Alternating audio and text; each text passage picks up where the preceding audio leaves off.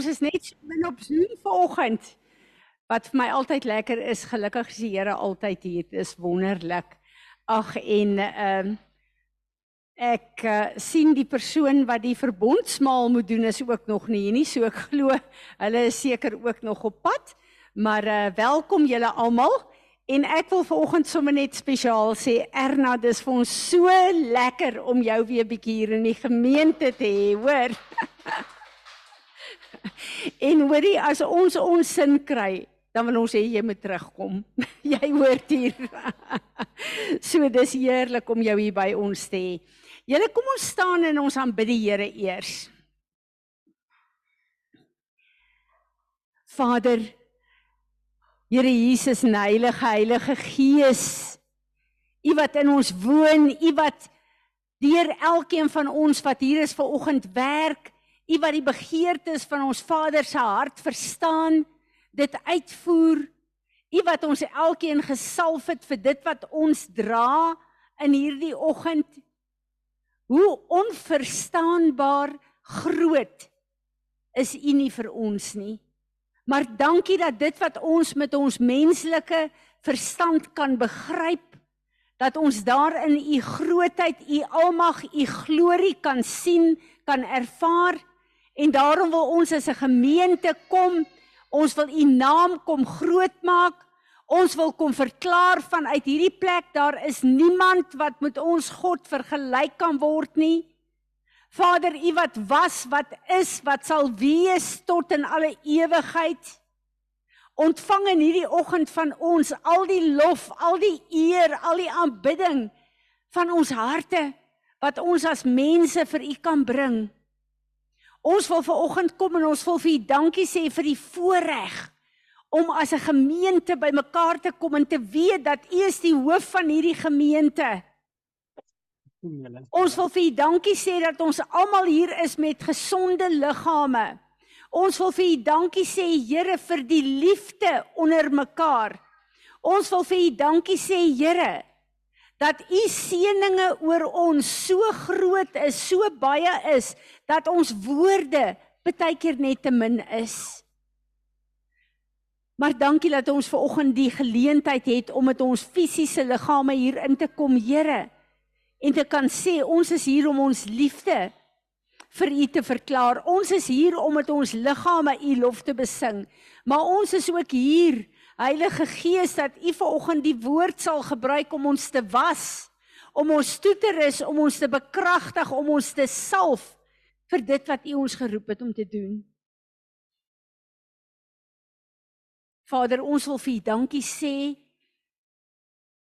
vir die afgelope konferensie waar u soveel dinge vir ons kom wys en kom leer het waar u die tye vir ons kom onderskei en waar soos wat u die woord vir ons gee Here dit in ons gedeponeer word en dat u elke keer kom Here soos wat u ons kennis verbreek ons verstaan verbreek u ook ons kapasiteit om te kan lewe in hierdie tyd as u houers hier op aarde te kom vergroot.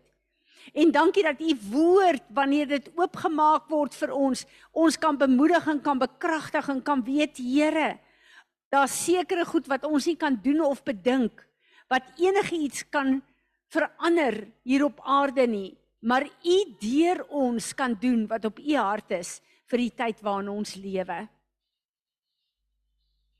Ek bid dat u hierdie aanbidding, hierdie lofprysing wat ons ver oggend vir u gaan bring, dat dit vir U 'n soet soet offer sal wees, Here. En daarom wil ons sê ons kies vir oggend om vanuit ons fisiese liggame hierdie lofprysing as 'n geur vir U te gee, Here. Ek bid dat U verheerlik sal word hierdeur. Here Jesus en dankie. Ons sal nooit nooit ophou en genoeg kan dankie sê dat U die een is wat ons teruggebring het na ons Vader se huis toe nie. Amen. Kom ons aanbid hom. Sy goedheid sal ons nooit nooit genoeg kan sing van nie. Sy getrouheid sal ons nooit genoeg kan sing van nie.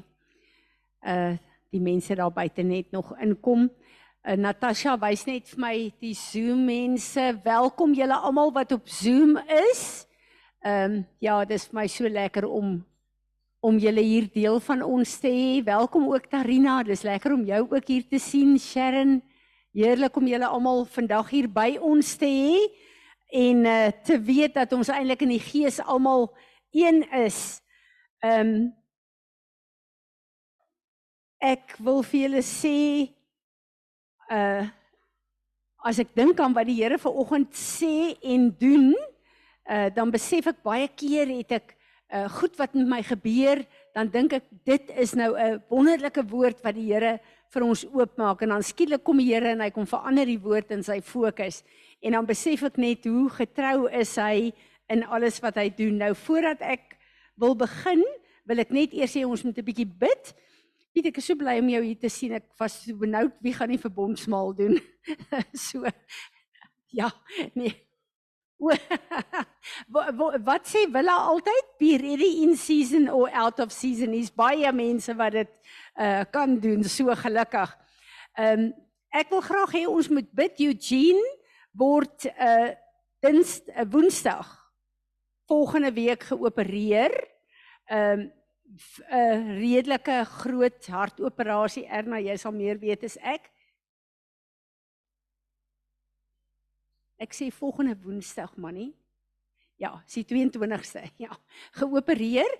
Ehm um, hulle gaan 'n hartklep 'n 'n 'n hartklep insit, maar dit is 'n oop hartoperasie, nee, Erna.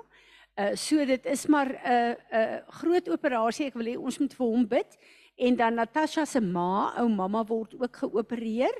Ehm um, en veral as 'n mens heelwat ouer is, dink ek is dit maar vir jou uh sy sy sukkel nogal 'n bietjie met vrees en dan wil ek hê ons moet met uh, vir ehm um, Elna, François se suster bid.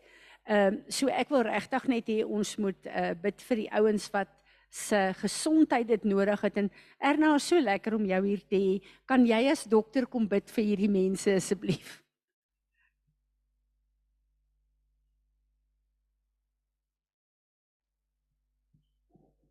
Ja Here, ons wil vir U kom dankie sê dat ons in elke omstandigheid na U toe kan kom.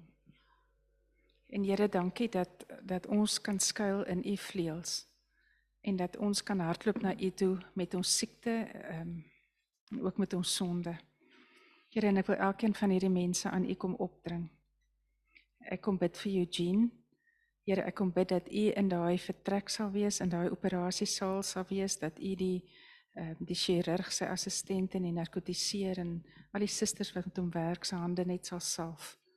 Ek bid Here dat daar geen komplikasies sal wees nie en ek bid vir 'n volkomme en 'n vinnige herstel in sy lewe. Here, ek bid vir Elna.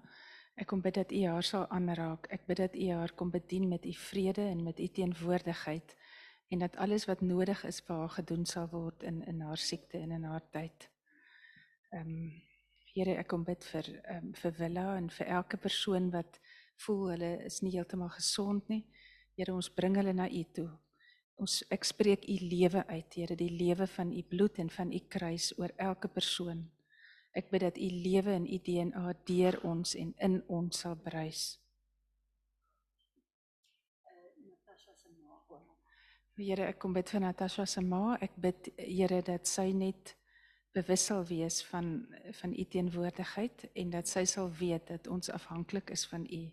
Dit ehm um, ek bid die skrif oor haar dat wat sê in Psalm 50 dat ons sal u aanroep. Uh, u sal ons help en ons sal u eer. Ek bid dit ook vir haar in die naam van Jesus. Amen. Amen. Sarel, ek wil hê jy moet vir ons vir die boere bid. Daar's van ons boere wat uh, vir my gesê het uh, ek moet hulle vandag verskoon. Hulle uh uh is so onderdruk met hulle plantery en hulle is so moeg. Uh laat ons asseblief in hierdie tyd wat die boere hulle druktyd is, dat ons uh daagliks vir hulle bid en hulle arms ophou. Here, dankie dat ek as boer ook um, kan bid vir ons omgewing, vir ons distrik, vir die boere wat nou besig is om te plant. Here, ek bid dat U ons werk sal seën, bid dat ons dit sal doen na die beste van ons vermoë. Ek bid Here dat U elke struikelblok van die vyand waar ons sukkel met baie goed sal verwyder. Ek bid dat U vir ons asseblief tydige reën sal stuur dat hierdie klomp winde sal stop wat die grond so uitdroog en ek bid Here dat ons almal 'n spoedige en voorspoedige 'n goeie plantheid sal hê. Ek bid dat U seën op dit sal rus. Ek bid dit in Jesus naam. Rudolf, kom bid vir ons vir Israel asseblief. Ek bly dink aan die prentjie toe Dr. Richard Hurt vir uh, na sy sessie begin praat het, ten minste gedurende sy sessie aan die einde begin praat het oor Israel en hoe daai man net in 'n terwyl vir Israel ingegaan het en uh, hoe daai hele gees van terwyl oor daai hele 'n um, uh, klomp mense gekom het en hoe ons kon bid wat Vader God se hart was. So ek dink Israel is so op ons almal se harte. Kom ons uh, kom ons staan terwyl ons bid vir Israel.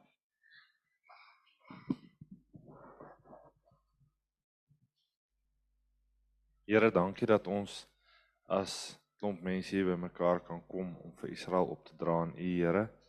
Here, ons staan saam met Israel en ons wil vir U vra, Here, sal U asseblief in die land wees.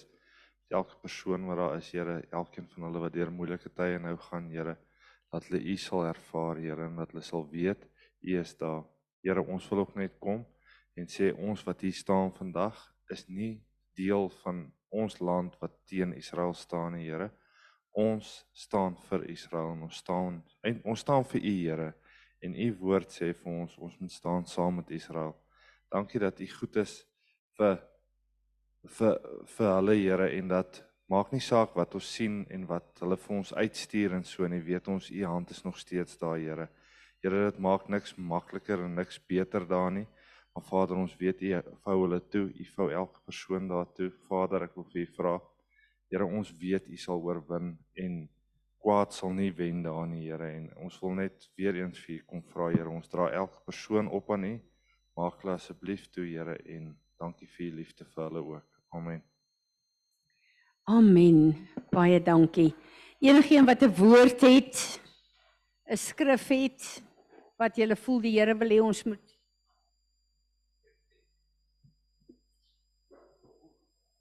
Tannie toe ons besig was met die toe ons gesing het, toe sien ek tannie staan en toe hulle tannie se paspoort stamp. Toe's dit bloed, die ink is bloed. Dankie Rudolf, jy gaan vir my bid hierna Piet. Wat het jy?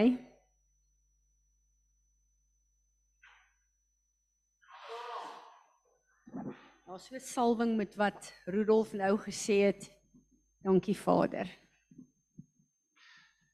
Tannie ek sien nie die die Here se genade, die die volheid van sy genade eintlik, jy weet, hier rondom ons en die beste hoe ek dit kan beskryf, dit is soos by by Tempen Bowling, jy weet, ehm um, vir beginners sit hulle altyd, jy weet, mense sulke kante hier langs die kante wat jy kan opsit dat die bal nie kan afgaan nie en in die bal kan rond beweeg en en selfs as die bal net in die kante vasgaan, jy weet, is dit baie keer vir ons moeilik, maar dit is nog steeds die Here se genade. Ek ek sien die volheid van die Here se genade om ons eintlik te hou in hierdie spasie sodat ons nie in die gutter ingaan nie as dit sin maak.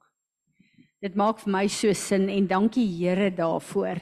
Dankie dat hy met sy soewereine wil en krag in ons lewens ingryp en in ons lewens teenwoordig is om ons te hou in sy plan vir ons lewe.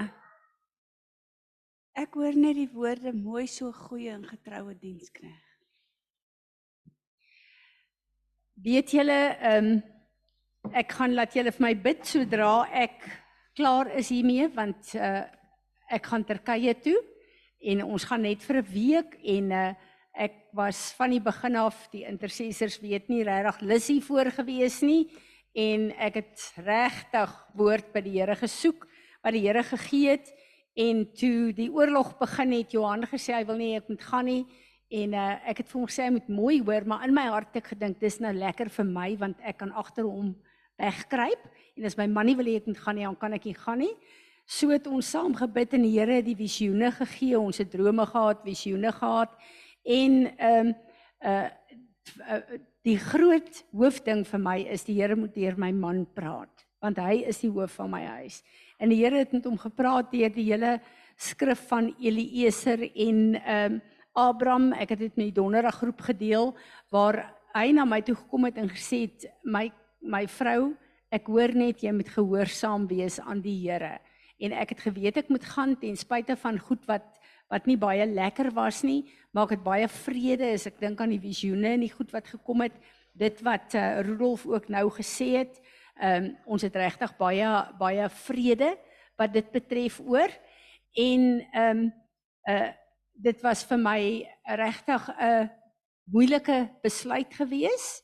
Uh maar ek weet dit is die Here wat wat ehm um, uh belê ek moet dit doen en dan ook uh wat vir my wonderlik is is dat die oggendgroep gaan in 'n week vas ingaan, in gebed ingaan wat vir my goed is. En op die einde julle het dit uitgewerk Natasha se ma word ook geopereer. Sy gaan nie, sy kan nie gaan nie. So ek moet die groep lei en toe het Eunice ook uh, toe ons die skoolafsluiting gehad het die week uh, was ek in 'n Zoom oproep saam met hulle gewees en hulle het nou gevra, uh, gevra wat wat is die klanke om my en ek het vertel gou van die skool en die skoolafsluiting en Eunice onthou toe sy hier was van die skool uh, wat ek vir hulle gewys het en ek het toe so 'n bietjie getuienis gegee van waar ons nou staan en hulle het gevra of ek op die konferensie die vrouens 'n bietjie sal kom bemoedig met hulle 'n eh, werk wat in die gemeenskappe gedoen moet word wat baie dan die kinders is. So Erik maak vir ons 'n kort slide show van die uh die uh, skool waar ons begin het, waar ons nou is en terwyl ek daarvan gepraat het, het ek besef besef ons as gemeente wat die Here gedoen het deur hierdie skool. Ons het begin met 29 kinders. Ons is nou 153 Natasha. 153. En ehm um, as ons kyk na hoe die Here hierdie skool uitgebrou breed en gebou het en uh hoe die Here ehm um, ek dink wat grootliks vir die skool verantwoordelik was was ehm uh, uh Lia en Natasha wat wat die wat vir onderskeie tye die die hoof van die skool was. En dit wat hulle gevestig het is net eenvoudig so wonderlik en uh, die week wat verby is, laasweek, het Natasha aan Spar gestaan en 'n jong swart vrou het haar op die skouer ge uh, tap en gesê, "Ma'am, toe is dit die tweede jaar Natasha se skoolkinders wat ook nie maklike leerlinge was nie. Wat vir haar sê, "Ma'am, you have changed my life and the school has changed my life." Sy en een van die ander uh studente van die tweede jaar in die skool is tweede jaar argitektuur en tweede jaar meganiese ingenieurswese studente. En dit het Natasha so bemoedig, dit het my so bemoedig en ek besef net dat ons het 'n geweldige impak veral op hierdie klomp moslem kindertjies wat daar is wat staan en hulle loyaliteit pledge to Jesus Christ my Lord and Savior. Hoe uh, uh fenomenaal wil jy iets kom sê Natasha? Hoe fenomenaal is dit net nie? En hoe is daai kinders letterlik 'n gateway in hulle huise? Gepraat van die moslems, ons het 4 wat 'n gesin is. En die jong, die graad 3 enetjie, so een is graad 1, 3 en dan die twee is graad 6. En nou Lien sê vir hulle hulle moet 'n prentjie teken wat hulle eendag wil wees. En die moslem dogtertjie gaan sy wil 'n pilot wees. En sy teken vliegtye, dit was nou die week gewees Vrydag. En sy teken die kruis. En sy sê vir ehm um, nou Lien gaan sy hierdie vir haar siblings wys of gaan sy dit vir haar maale foto neem en wys. Nou Lien sê nie ons gaan nie. Sy sê want dit is Jesus. Jy weet wat nou Lien vra toe vir haar. En ehm um, sy sê sy die week 'n fliek gekyk. Ek weet nie waar nie van Jesus wat gekruisig is. So sy het vir my die prentjie kom wys en toe sy haar boetie nogal in die klas. Toe wil die boetie sien, toe sê ek nee, jy kan nie sien hierdie prentjie is net vir my. Maar die sussie in graad 6 het toe daai ander mense daar was, het ook 'n hand opgesteek toe hulle vra wie wil hulle hart vir die Here gee. Ek het nog nie met haar gepraat nie want ek wil hulle nie ontbloot nie. Maar ja, iets is aan die gebeur. So ons het 'n geleentheid om regtig in hierdie kinders se lewens te werk en om daai kinders kinders is 'n 'n 'n verteenwoordiger van Jesus Christus in hulle huise. So dis vir my so so wonderlik julle en so bemoedigend en dis dan 'n gedeelte van dit wat gaan gebeur in uh Turkye en ek sien regtig uit na die slideshow en om vir hulle te wys wat die Here gedoen het tot nou toe hier in en deur hierdie skool.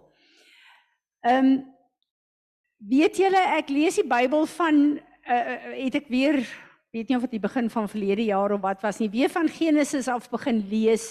Ek het 'n nuwe Bybel vir my gekry want my Bybel is soveel geskryf in en wanneer 'n mens kyk na dit dan dan dink jy dieselfde manier wat die Here met jou gepraat het 4 jaar, 5 jaar terug. So ek het eh, met 'n nuwe vars Bybel begin.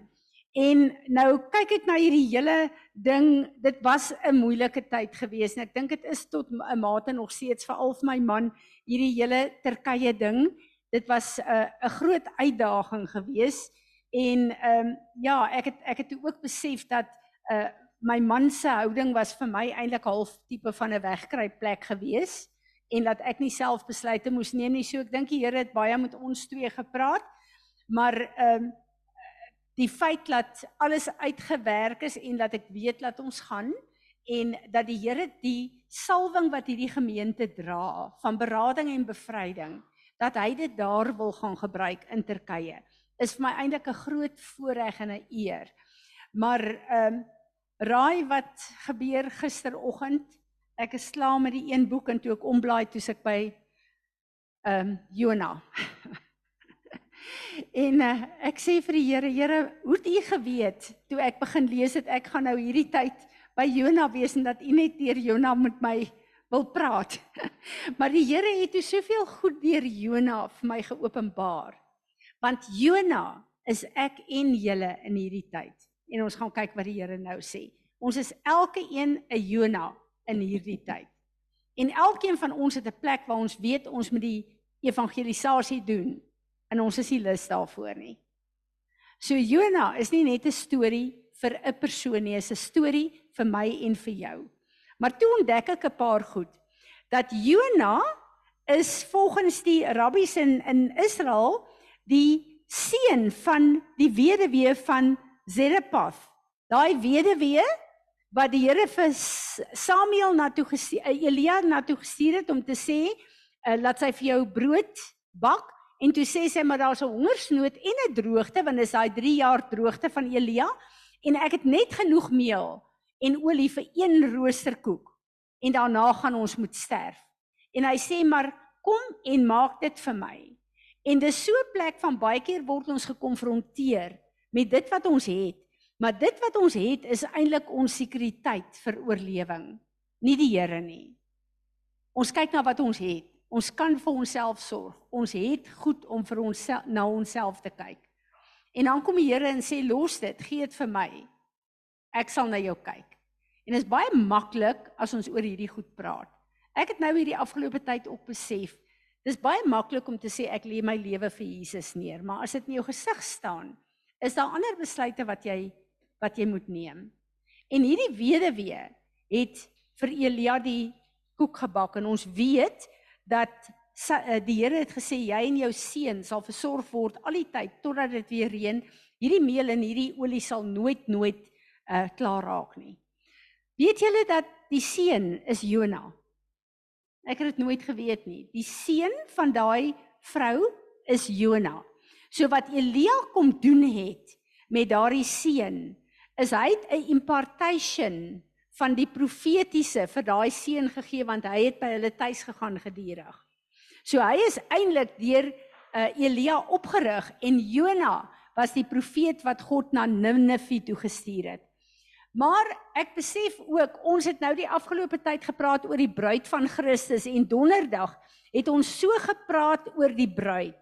Want ons moet weet die die hele uh uh storie van die bruilof.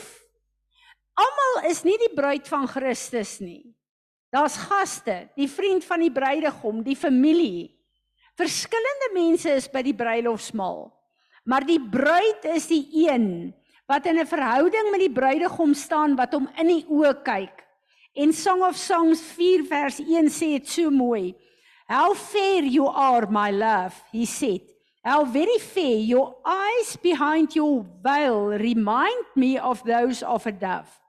Dit is letterlik iemand wat in die oë van die Here kyk, so naby hom lewe En ons weet mos 'n dove is 'n single vision, 'n fokus, 'n al die eienskappe van die oë van 'n duif.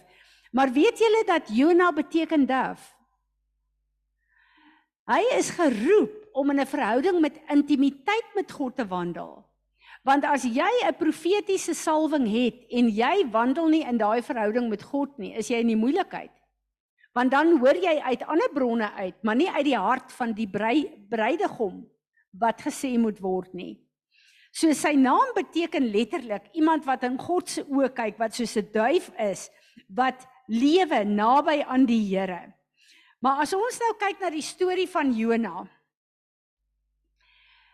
dan besef ons dat Jesus verteen uh, vergelyk Jona wat hy gedoen het as 'n profetiese aksie van sy dood en van sy opstanding. En ek het gedink nou hoe kom die twee eintlik regtig bymekaar en ek besef dat Jesus het sy lewe neergelê vir ons om die hele wêreld te red. So Jesus se gehoorsaamheid aan ons Vader en die feit dat hy sy lewe neergelê het, het die redding van die wêreld tot gevolg gehad. Waar Jona moes sy gerief en sy opinies en sy goed en sy alles los en hy moes sy lewe neerlê om na Ninive toe te gaan om Ninive te red. So ons gehoorsaamheid aan die roeping van God. As ons gehoorsaam is, is die vrug altyd baie meer as wat ek en jy bedoel of dink. Matteus 12 vers 39 staan daar. Jesus praat, but he answered and said unto them, an evil and adulterous generation seeketh after a sign, but there shall be no sign given to it, but the sign of the prophet Jonah. For as Jonah was 3 days and 3 nights in the uh, the belly uh, hier sê hierdie vertaling whales belly maar die ander vertaling sê net 'n uh, groot vis. Uh, so shall the son of man be 3 days and 3 nights in the heart of the earth. The men of Nineveh shall rise in judgment with this generation and shall condemn it because they repented at the preaching of Jonah, and behold, a greater as Jonah is there. En ek besef dat baie keer as die Here vir ons opdragte gee om te doen, dan sê ons voor die tyd ons sal alles vir die Here doen. Maar wanneer ons gekonfronteer word daarmee, dan kyk ons baie keer na ons persepsie en ons opinie en na ons gerief. En hoe gaan dit ons lewe beïnvloed? En ehm um, Jona was op 'n Jona was op 'n plek gewees waar hy hy ken God so goed dat hy weet dat as hy gaan en doen wat God sê, gaan God daai nasie, daai mense red.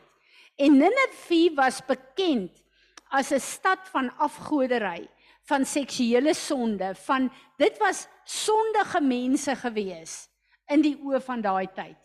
En hy het geweet, maar as ek gaan en ek gaan doen wat die Here sê, gaan God hulle red. En in Jonas se oë verdien hulle dit nie. Die Here het my so daarmee gekonfronteer. Want in hierdie hele plek waar Jona toe uh op die skip is, het hy nog steeds 'n verkeerde gesindheid gehad sodat die see opgestaan het en daai storm daar was. En die matrose wat nie gered is nie, het later geweet, maar God is kwaad. Daar's iemand in hierdie boot wat veroorsaak dat ons almal gaan doodgaan. En ons ken die storie hoe Jonah toe gesê het dat ehm um, uh, dit is hy en hoe hy toe onder die besef gekom het dat al hierdie mense gaan doodgaan omdat hy ongehoorsaam is. En hy kom toe en sê nou maar goed, gooi my maar oorboord. En Jona het nie geweet die vis gaan hom insluk nie. So Jona het op daai kant daai tyd geweet. Hy moet nou gehoorsaam wees aan God tot die dood toe. En hierdie hele storie van waar uh God met sy soewereine ons het net nou gebid gesing oor the goodness of God. God se so, soewereine krag en autoriteit oor alles in die skepping, oor die hele heelal, dat God as God kan intree en sy wil kan dat geskied. Dat God vir daai vis wat hy in elk geval geskape het, kan sê, nou moet jy swem en jy moet hierdie man kom insluk want ek wil jou gebruik om hierdie man te beskerm van verdrinking. En dis God se soewereine wil oor sy hele skepping. En dis vir my so gerusstellend om te weet dat baie keer veroorsaak ek en jy ons ongehoorsaamheid, ons onwilligheid om vir God goed te doen. Veroorsaak dit moeilikheid. Maar as ons in die moeilikheid is en uitroep na God toe, is hy dadelik daar om in te gryp. En dis vir my so 'n plek van God se genade. Hoe getrou is hy? Ons sing ver oggend daar sy faithfulness. Maar watter getuienisse het ek en jy van God se getrouheid net in ons eie lewe? En dan besef ek nogtans kom ons by plekke waar ons twyfel of gaan die Here deurkom vir my. En hierdie ding van Jona in die vis en in die vis se maag het Romeine 8 so 'n realiteit by my weer gemaak vers 38 en 39 for I am persuaded sê Paulus beyond doubt I am sure that neither death nor life nor angels nor principalities nor things impending and threatening nor things to come nor powers nor height nor depth or anything else in all creation will be able to separate us from the love of God which is in Christ Jesus. En ons weet Jesus Christus ons in die Nuwe Testament fokus op die kruisiging op die maar die woord van God sê voor die fondasie van die aarde is hy reeds gekruisig. So in die Ou Testament kom goed uit soos met Jona wat eintlik God se genade en die dood van Jesus Christus die krag en die profetiese aksie is dat niks kon Jonas skei van God en van God se liefde nie. Hoeveel te meer ek en jy vandag wat in die koninkryk is, wat die voorreg het om gered is deur daai volmaakte offer wat hy gebring het. Ek wil vir ons lees Jonas 3 vers 1 tot 10. And the word of the Lord came to Jonah the second time saying, Arise and go to Nineveh, that great city, and preach and cry out to all uh, it the preaching that I will tell you. So Jonah arose and went to Nineveh according to the word of God, the Lord. Now, Nineveh was an exceedingly great city of three days' journey, 60 miles in uh, distance. And Jonah began to enter into the city a day's journey and cried, Yet 40 days and Nineveh shall be overthrown. So the people of Nineveh believed in God and proclaimed a fast and put sackcloth uh, from the greatest of them even to the least. For word came to the king of Nineveh of all that had happened to Jonah and his terrifying message from God. And he arose from his throne and he laid his robe aside, covered himself with sackcloth, and sat in ashes. He made proclamation and published through, uh, through Nineveh by the decree of the king and his nobles let neither man or beast, herd nor flock taste anything.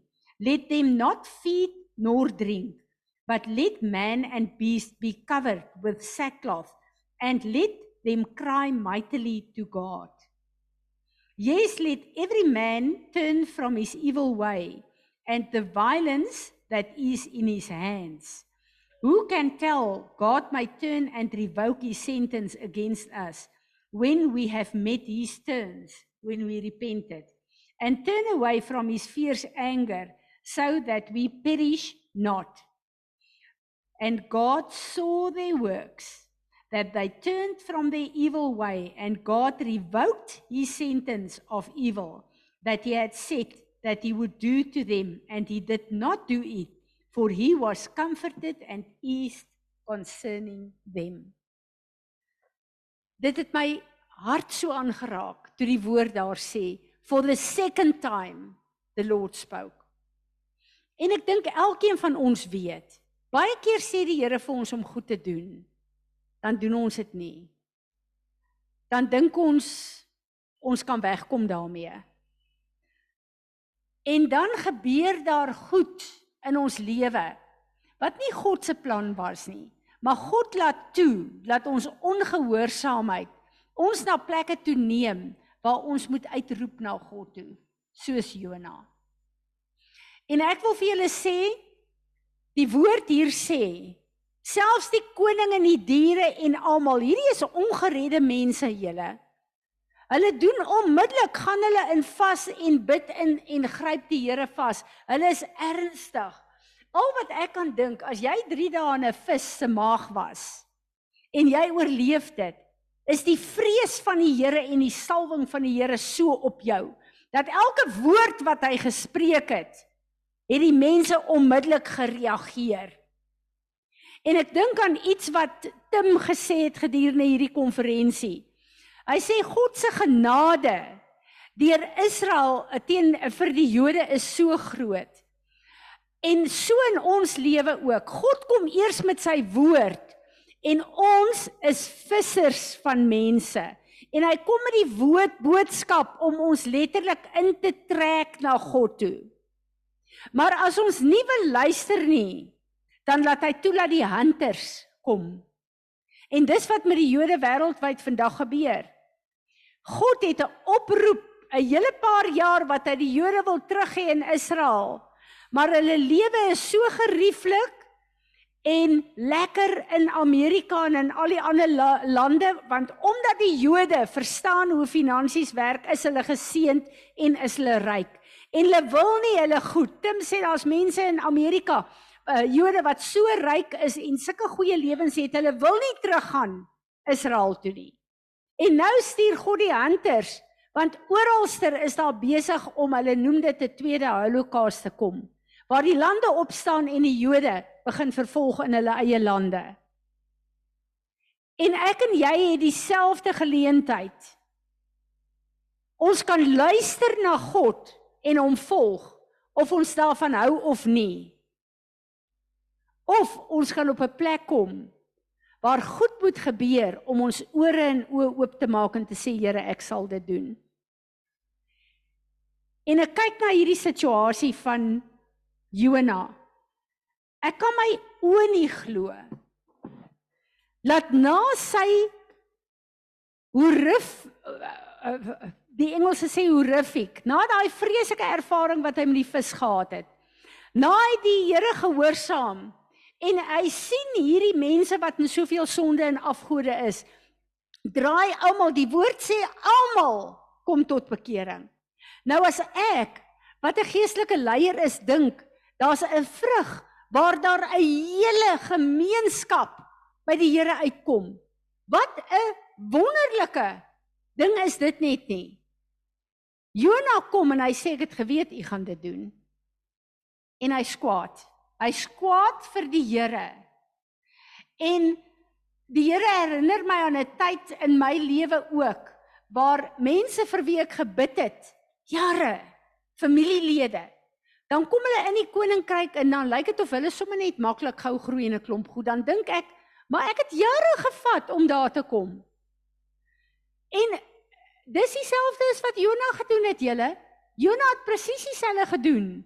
Wanneer jy God se goedheid sien en sy vrug sien in ander mense se lewe, dan sit amper of jy so 'n bietjie offens vat. En dink maar ek moes 'n rowwe pad loop. Hierdie mense kom sommer maklik in. Dis wat Jona gedoen het. En waar hy vir die Here gesê het, maar hy skwaad daaroor. En as ons kyk na hierdie hele ge, gedeelte, uh, ek lees dit weer vir ons, but it displeased Jonah exceedingly and he was very angry. And he prayed to the Lord and said, I pray you, O Lord, is this not just what I said? when I was still in my country. That is why I fled to Tarshish. For I knew that you are a gracious God and merciful, slow to anger, of great kindness, and when sinners turn to you and meet your conditions, you revoke the sentence of evil against them. Therefore, now, O Lord, I beseech ye, take my life from me, for it is better for me to die than to live. En ek dink daaraan ons is kinders van die Here terwyl ons vir die Here werk en terwyl ons moet bid vir mense se redding en terwyl ons alles neerlê, berge wil versit om hierdie kerk vol te kry, byvoorbeeld. As die kerk vol is, gaan ons Jonas se houding dalk hê. En hier sit en dink, ja nee, ons is al lank hier, ons het lank geloop om hierdie gemeente tot stand te bring. Ons, terwyl dit sy gemeente is, en gaan ons dalk nie God se genade hê vir die mense soos Jona nie. En terwyl ek kyk na daai ehm um, plant, ek hou van die vertaling wat sê 'n wonderplant het opgekom om vir hom skade weer te gee want dit was baie warm die son het hom geskroei. Sien ek in daai plek van Jona. As as ek God was, sou ek nie deur my genade nog 'n skade weer vir hom gegee het nie. Want daai skade weer terwyl hy so rebels en kwaad is vir die Here, het my laat dink aan die Israeliete wat net so rebels en kwaad vir die Here was in die woestyn. Nogtans het hy 'n wolk as 'n skade weer in die dag vir hulle gegee. En daai skade weer is God se voorsiening, sy liefde, sy beskerming, sy en hier het hy hierdie plant wat oor hom dat die son hom nie kan kan beskadig nie. En nie eers dit laat Jona verander nie. En God wys sy autoriteit vir Jona en hy stuur daai wurm wat daai plant sommer net so vinnig opvreet. En skielik voel Jona weer die realiteit van die son wat hom brand. En skielik besef hy, ek het God nodig, net soos Ninive God nodig gehad het. As dit nie vir God se genade oor my is nie, dieselfde genade wat hy vir Ninive gegee het nie, gaan ek in elk geval dit nie maak nie, gaan my lewe op aarde nie lekker wees nie. En ons ken die die uh uh storie. Then said the Lord, you have had pity on the plant for which you have not labored, nor made it grow, which came up in the night and perished, perished in the night. And should I not spare Nineveh, that great city, in which there are more than a hundred and twenty thousand persons, not yet old enough to know their right hand from their left, and also many cattle not accountable for sin. Ons kyk baie keer met ons oë en ons persepsie. Waar die Here hier vir Jonas sê, daai klomp mense daar is geestelik so verblind deur hulle sonde dat hulle nie eens hulle regter en hulle linkerhand uitmekaar uit kan ken nie. Gaan ek nie deur my genade dan ingryp en hulle oë open dat hulle my kan sien en my kan aanvaar nie. Jy wat die kennis van my het, sit en jy kerm en kla nou oor hierdie plant wat weg is. Maar jy het niks gedoen van jou kant af om daai plant te laat groei of om hom in stand te hou nie. Dis suiwer my genade. En ek kyk na hierdie ding en ek dink Jona, Jona. En ek voel die Heilige Gees sê vir my Fransie, Fransie.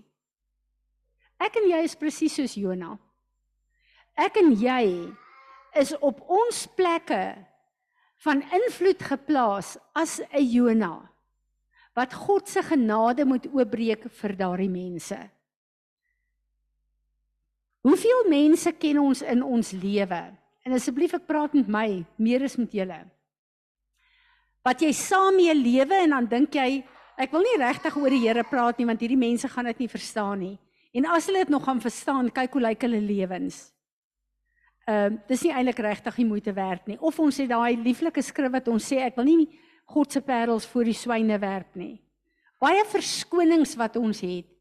Maar hoeveel mense wat aan ons verbind is wat ons ken, gaan dalk as ek en jy praat met die salwing van Jesus wat deur ons werk net so inkom in die koninkryk in.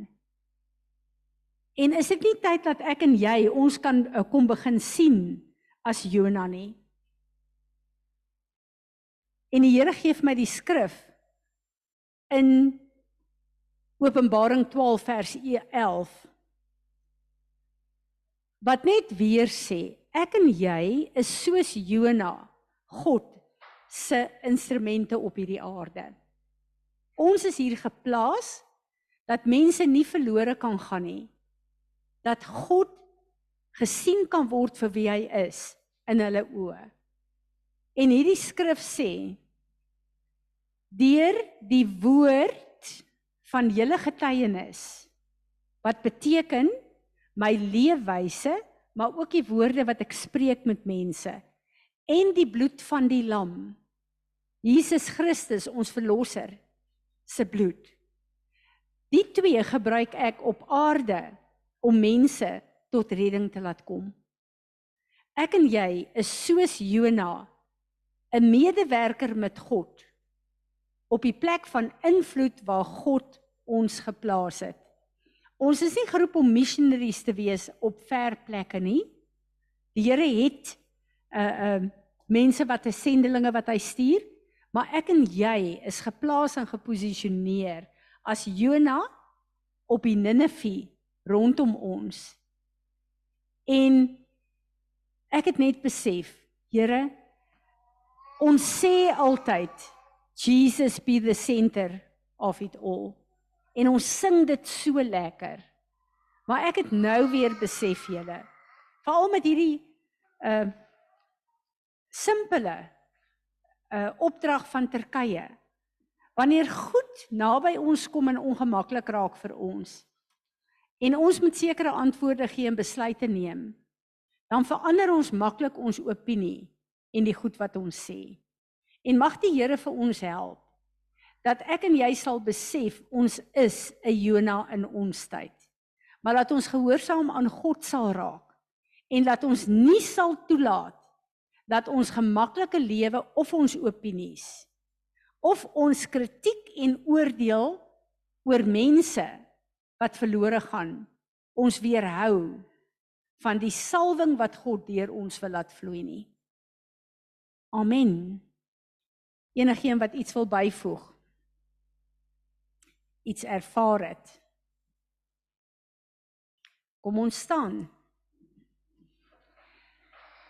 Kom bely saam met my.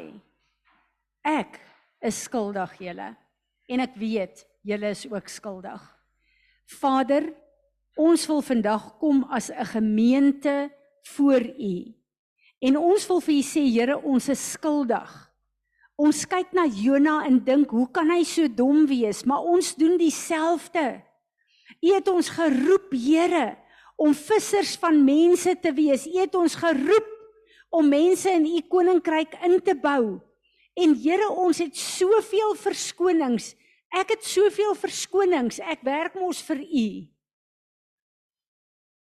Maar Here, die plekke waar u wil hê, ek moet met mense praat oor hulle redding. Ek moet met mense praat oor u verlossingsplan. Ek skram weg en ek wil kies met wie ek wil praat en met wie ek nie wil praat nie. Vergewe ons asseblief, Here. En ek bid, ek wil u genade vra, Here. Wees ons genadig dat ons ore sal oopgaan. Dat ons nie op plekke moet kom waar ons dan vir 'n tweede keer eers gehoorsaam is nie. Help ons, Here, om u woord en u opdrag te ge, te gehoorsaam. En help ons, Here, dat ons oë en ore sal oopgaan en laat ons gewillig sal wees om u verlossingsplan met mense te deel. Here, ek bid vir 'n sieleoes deur elke een van ons wat hier is se lewens wat u naam sal verheerlik. Here Jesus, u het die volle prys betaal. Ons hoef niks by te voeg nie. Dankie dat ons u pad het wat ons mense na toe kan trek. Help ons om u naam groot te maak want u woord sê as ons u naam oprig en groot maak sal u die mense na U toe trek. Dankie dat ons ver oggend op hierdie plek kan staan en sê Here, gee vir ons nog 'n kans. Amen. Amen. Enigeen wat 'n woord het?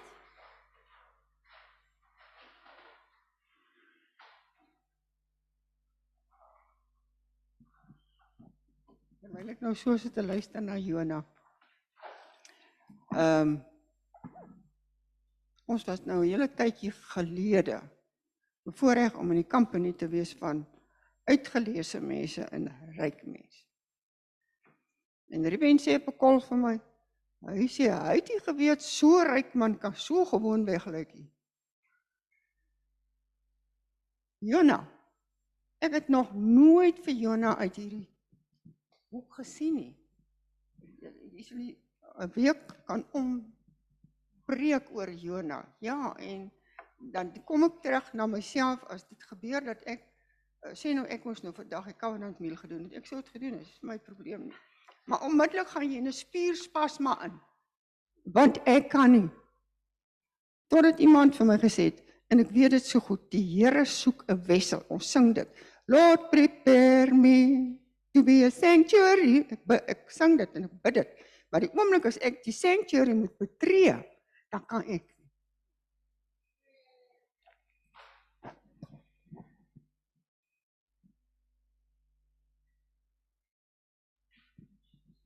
Kyk, as ek nou 'n laerskoolkind was, het ek nou vir Fransie gesê my stert is aan die brand geslat vir môre.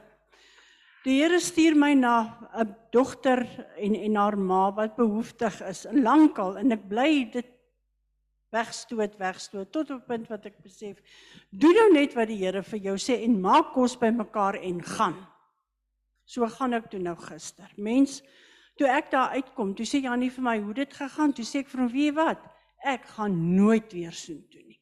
Want sy het gekerm en gekla van ek daar ingekom het tot ek daar uitgegaan het en sy luister nie 'n woord wat ek sê nie. En die Here sê nou vir my, dit is my Ninive daai. Sjoe. Piet, dankie. Ek sien uit na die verbondsmaal. Dan wil ek net hê asseblief dat julle my salvin stuur as 'n gemeente die week.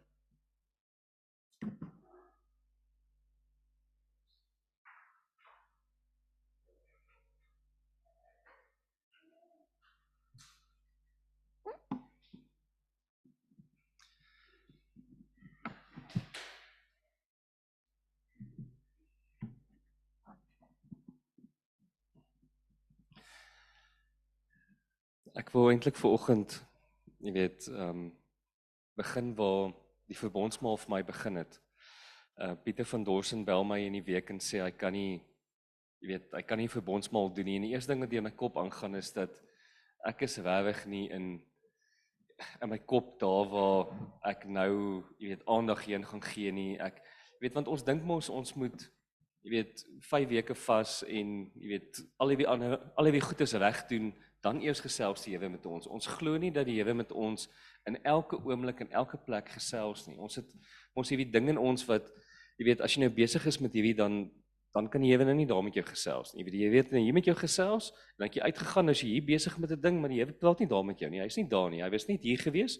Dan gaan jy nou soen toe en dan sien jy nou daar en dan dan moet jy nou weer evens terugkom hiernatoe en dan sal die Here nou weer met jou gesels. Dan gaan jy nou soen toe en dan sien jy nou mos nou nie daar nie. En so sit ons almal met hierdie insecurities en hierdie goed waar die Here is net in sekere areas van ons lewens. En ehm um, so gaan die week aan en en ek dink jy by Vrydagoggend se kant genade. Ek moet dalk vir Rudolf bel en hoor of hy nie vir my 'n plan het nie want want ek het nie eene nie. En ehm um, 12 uur Vrydag aand te besef ek maar ek het nog nie vir Rudolf gebel nie en dit is seker regtig onregverdig om nou Saterdag te bel. En so gaan Saterdag aan en die erns die Saterdag toe sê ek okay my Here, ehm um, iets geweet hierdie goeters gaan gebeur. Iets geweet dit gaan wees wat dit nou is en ek het buite in die stilte rondgeloop. Ek, ek kan nie eens onthou wat ek moes gedoen het gister alles nie. En en die Here begin my gesels oor die skrif. En die skrif is nie toevallig nie. Ons weet die Here het dit beplan. Dit is presies tannie Fransie se preek net in die Nuwe Testament. En ek wil dit vir julle lees. Johannes 1 vers 48. Daarop sien Jesus Nataneel na hom toe kom en sê vir hom: "Hier is waarlik 'n Israeliet in wie daar geen bedrog is nie." Nataneel sê vir hom: "Waarvan ken jy my?" Jesus antwoord en sê vir hom: "Voordat Filippus jou geroep het, toe jy onder die vyeboom was, het ek jou gesien." En hier's twee goed wat vir my verskriklik uitstaan. Jy weet, ons weet eintlik niks van Nathaniel nie. Nathaniel, hier's nog so twee skrifte oor Nathaniel dan word Nathaniel nie regtig weer in die Bybel genoem nie. Nou, die eerste ding is Jesus sê onmiddellik vir hom wat sy identiteit is. En 10 teen 1 in sy kop, jy weet, soos wat hy geantwoord het, kan ons aflei maar jy weet, hy was sommer heeltemal verbaas geweest. Jy weet, hy het, hy het Jesus gehoor en en gedink by homself, maar waarvan praat jy? Jy weet ek sukkel hiermee, ek sukkel daarmee, jy weet want om vir iemand te sê daar's geen bedrog in jou nie. Daar is 'n redelike groot karakter en klomp goed wat in jou lewe in plek moet val om by daai plek uit te kom. En 10 teen 1 is dit waarmee die ou sukkel, want ons identiteit wat die Here vir ons gegee het, is die plek waar die vyand ons aanval. En almal van ons sukkel met daai ding. Jy weet 10 teen 1 die ou ergens 'n plek by die werk waar hy moet moet sit. Ja, daar's sisteme wat hy moet doen. Hy kry nie die goed gedoen nie. Hy's gefrustreerd en hy het gedink maar okay, ek gaan dalk die kort pad vat en ek gaan dit so doen. Jy weet ouer dalk weet inhoudlike konflik om te sien maar hoe gaan hy nie in geregtigheid handel nie. Hoe gaan hy, jy weet, allerlei ander goedjies doen en miskien het hy dit al klaar gedoen. Ek meen hy was onder 'n vrye boom gewees nie omdat hy jy weet gelukkig was nie. Hy was nie daar gewees om dat hy lus was vir 'n klomp mense en wou partytjie gehou het en alles net great was nie. Op die beste wou hy alleen gewees het net om te bid. Maar aan die ander spektrum was hy 10 teen depressief geweest. Die wêreld het hom 10 teen 1 in 'n plek ingedruk waar hy net wou weghardloop. Soos Jonah wou net weghardloop, hy wou net wegkom, hy wou daar gesit het. Hy het nie eens gedink die Here is daar nie. Dis hoekom hy so verbaas was. Want hy het gedink die Here kan nie daar wees nie. En tog was die Here daar gewees en sy identiteit het in die Here se oë nie verander as gevolg van die omstandighede rondom hom nie. Sy identiteit was nog steeds dieselfde geweest. Dis die eerste ding wat die Here vir hom gesê het is: Jy is sonder bedrog. Maak nie saak wat die wêreld vir hom gesê het nie, maak nie saak wat die wêreld op hom druk nie, maak nie saak dat hy wou weghardloop uit daai plek uit nie. Die Here was daar gewees en dit het nie sy identiteit verander nie. En ek wil dit by julle kom los. Wanneer ons die verbondsmaal vat in al daai plekke waar ons na ons vrye boom toe hardloop, waar ons van die Here af wegvlug, waar ons dink ons is nie goed genoeg nie, waar ons identiteit onder 'n aanval is en waar ons self sukkel met dit. Nooi die Here in daai plek in en laat hom net toe, want die Here is in elk geval daar. Dis ons wat hom blok en dink hy's nie daar nie om hom nie toelaat nie. So, ek wil net vir ons bid. Here, ek wil vir U dankie sê dat U altyd by ons is. Dat U altyd met ons gesels. Waar ons ook al is op hierdie aardbol, Here, en watse omstandighede ook al rondom ons gebeur, dat U daar is, dat U ons nie los nie. Ek wil vir vir u sê dankie vir u genade. Here maar u weet in elkeen van ons hierdie plekke waar ons weghardloop. Hierdie stukkies wat ons onder die vyeboom gaan sit vir ons wegkruip. Here en daar waar ons nie die woorde glo die identiteit wat u in ons ingesit het nie. Here ek wil vra dat u in daai plekke inkom in hierdie week. Weet dat U ons kom bemoedig en dat U ons kom help in hierdie plekke om dit waarlik uit te loop in U voetspore, Here. Dankie daarvoor, Here. Amen. Amen. Voordat ons die verbondsmaal gaan, ag voordat ons die seën gaan uitspreek, wil ek vra Ruben dat jy my sal salf, julle almal hande sal uitsteek en as daar staan net dat hy net terug staan dat hy nie skaatjies pas op vir daai glas, hoor? Daar is hy. Goed. Ehm um, en laat ons bid en vir my is dit baie belangrik dat ons weet Ja, asseblief. Uh dis my baie belangrik dat ons weet dat uh ek gaan as 'n gestuurde en dis baie belangrik om uit 'n gewoonte uit uh, uit 'n gemeente uit dan gestuur te word. Ons laat hulle net gou-gou daar. So Rudolf, jy het sommer net hier teen aan hierdie ding dat dit die kinders se voete nie sny nie. Daar sê. Daar sê. Net hier teen aan vas.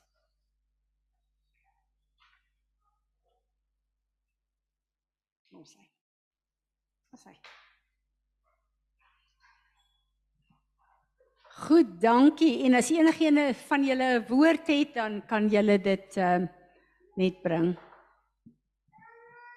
Sal so, julle almal asseblief julle hande uitsteek na Fransie toe. Môre. Ons so, Hemelse Vader, ons sê vir U dankie dat ons so so bevoorreg is om om 'n Fransie uit ons gemeente te kan stuur Turkye toe om U woord en U werk daar te gaan doen. Dankie Here dat dat ons haar kan salf vanmôre in in die naam van Jesus Christus vir wie sy werk. Here dat U haar sal bemagtig en bekragtig in hierdie tyd dat sy veilig sal reis dat haar woord geseën sal wees dat haar tong U hart sal praat dat haar oor U stem sal hoor soos wat sy nou gehoor het Here en ons dankie vir haar gehoorsaamheid. Seën haar seën vir Johan wat agterbly. En Here wees ook met ons gemeente want U is alomteenwoordig. Ons dankie in Jesus Christus naam. Amen. Baie dankie. Volgende week gaan Rudolf uh, die woord bedien en ek raak al hoe meer en meer opgewonde oor die jong leiers wat die wat die woord uh, moet bedien. So ja, en uh dankie dat ek weet dat julle vir my gaan bid en ek glo ek gaan baie vinnig weer terug wees. Kom ons staan en ontvang die seën van die Here en dan gaan ons in vrede.